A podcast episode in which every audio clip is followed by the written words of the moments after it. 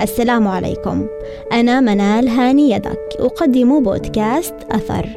صوت يتحدث معك وعنك عن مواقف ومشاعر مررت وشعرت بها. موضوع هذه الحلقة بعنوان أقدار. حياتنا مليئة بالعثرات والصعاب وما يجعلنا نستكملها هو الرضا بقدر الله عز وجل. يرسل الله الهدايا لنا بطريقة نجهلها لأن نظرتنا محدودة فيأتينا العطاء على شكل منع والجبر في هيئه كسر ولكن عندما تنكشف خبايا القدر تعلم أن الله أرحم بك منك وأنه صرف عنك ما هو شر لك. تحدث لنا أمور كثيرة نظن أن الحياة قد توقفت عندها ولا نعلم أنه يدبر الأمر. فكل شيء يجري بقدر معلوم وسيأتيك في الوقت المناسب. فالله ناظر إلى قلبك وهو أعلم به منك. المشكلة والمصيبة التي حدثت لك لعله خير. فشلك في وظيفة ما أو دراسة ما لعله خير. فكرة لمشروع لم تنجح لعله خير. ابتلاء ومرض أصابك لعله خير. لو تأملنا لوجدنا الخير يكمن في كل تفاصيل حياتنا.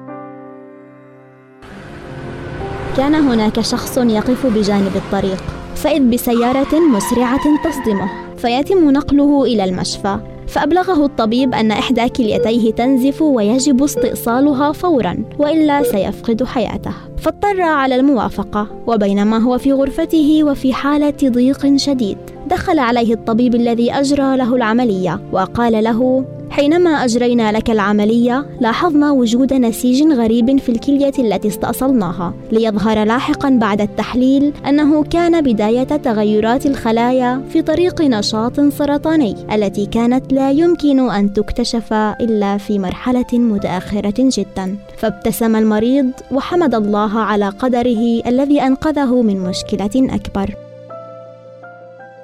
أعلم أنك تعرضت في فترة من حياتك إلى انتكاسات كثيرة. ربما فقدت شخصا عزيزا عليك وشعرت بأنك وحيد رغم كل الوجوه التي تحيط بك. وأعلم أنك كنت تخطط لشيء ما ظانا أن حياتك ستصبح أفضل لو كان. ولكن شاءت الأقدار أن يكون الخير في عدم حصولك عليه. فلا يكن في قلبك إلا الرضا.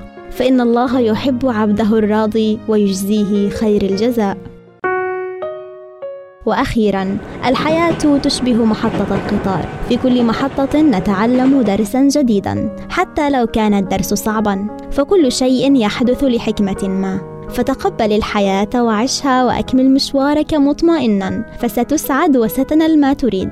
وقل بقلب راض رضيت يا رب.